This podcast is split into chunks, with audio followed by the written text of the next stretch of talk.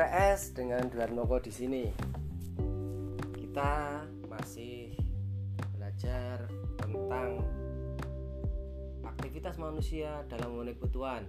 Pada kali ini kita fokuskan pada distribusi. Nah, apabila pertemuan yang lalu kita membicarakan tentang produksi sebagai salah satu cara orang untuk memenuhi kebutuhan. Nah, yang kali ini kita bicarakan tentang.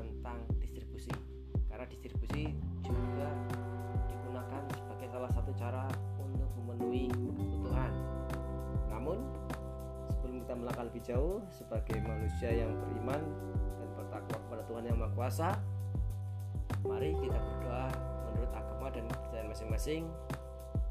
Berdoa dipersilahkan.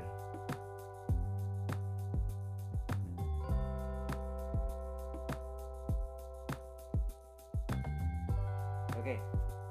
Nah, review sejenak untuk produksi. Produksi adalah menambah nilai guna barang yang bisa berupa menghasilkan barang dan jasa. Untuk distribusi merupakan penyaluran barang dari produsen dari si pembuat kepada konsumen. Jadi distribusi ini lebih cenderung kepada jasa karena dia menyalurkan barang atau jasa dari si pembuat kepada si pemakai. Otomatis pula cara-cara distribusi ada yang cara langsung, ada yang cara semi langsung, ada yang cara tidak langsung. Artinya apa? Kalau produsen tanpa perantara langsung diberikan kepada konsumen itu termasuk cara langsung, distribusi langsung. Berarti produsen di sini juga berperan sebagai distributor. Sebagai contoh, seorang pedagang bakso keliling, dia membuat bakso sendiri, dia menyalurkan langsung kepada konsumen bakso yang ada. Artinya apa? Tanpa ada perantara. Inilah produksi. Ah, maaf, inilah distribusi secara langsung. Artinya tidak ada perantara yang lain Adapun yang semi langsung penyaluran barang kerja yang secara semi langsung ini biasanya dari produsen kemudian ada agen resmi baru kemudian diteruskan kepada konsumen. Sedangkan distribusi yang tak langsung ini melalui berbagai macam perantara yang ada. Produsen dari pembuat kemudian diberikan kepada agen yang resmi.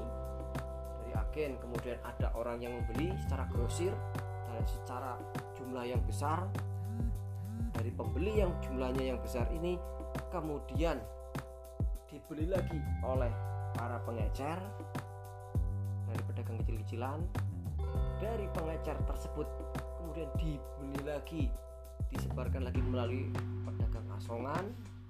Nah ini adalah distribusi secara tidak langsung. Artinya jalur dari produsen sampai ke konsumen melewati berbagai macam pihak otomatis pula harga yang diterima oleh konsumen pasti akan lebih mahal berkali lipat dibandingkan dengan jalur distribusi yang singkat.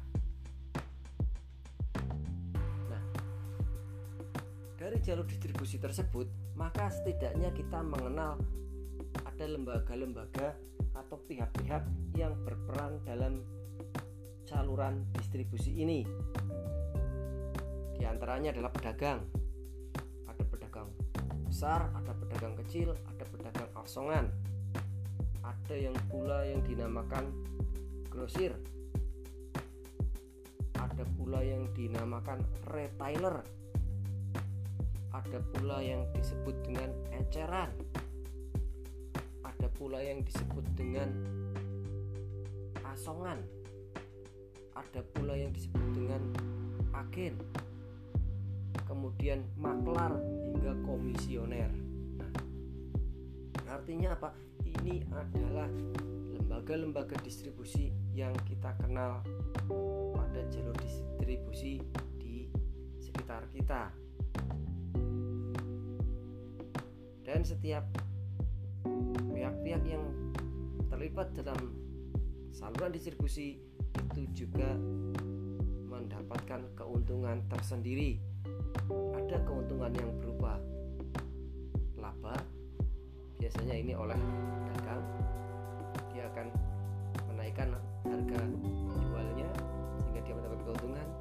Ada pula keuntungan yang biasanya berupa bonus. Bonus ini banyak diperoleh oleh para pihak yang berperan sebagai maklar. Dia ikut menjualkan. Namun dia tidak ikut membeli. Nah ada pula distribusi yang cukup besar yaitu eksportir dan importir.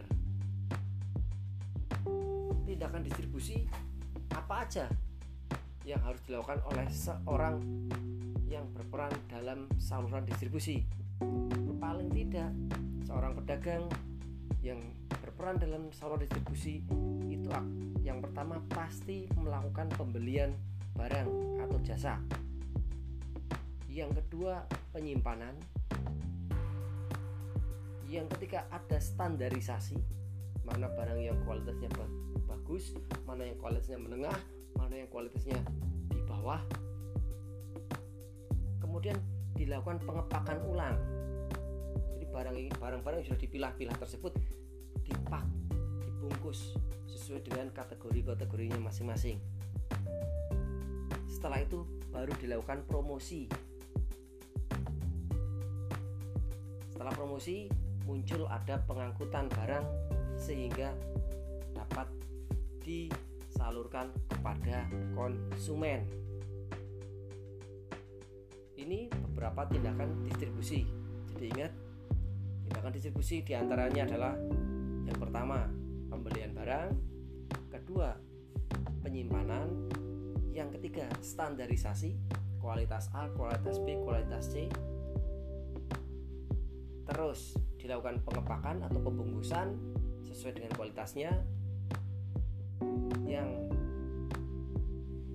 diteruskan dengan promosi barang yang ada dan diangkut ke konsumen. Nah, dari distribusi-distribusi ini maka dapat kita lihat bahwa distribusi termasuk cara orang, cara manusia, aktivitas manusia dalam memenuhi kebutuhan karena melalui saluran distribusi mereka mendapatkan keuntungan. Dari keuntungan inilah yang bisa digunakan untuk dibelanjakan dalam pemenuhan kebutuhan. Nah, semoga yang singkat ini, yang sedikit ini dapat membantu kalian dalam belajar.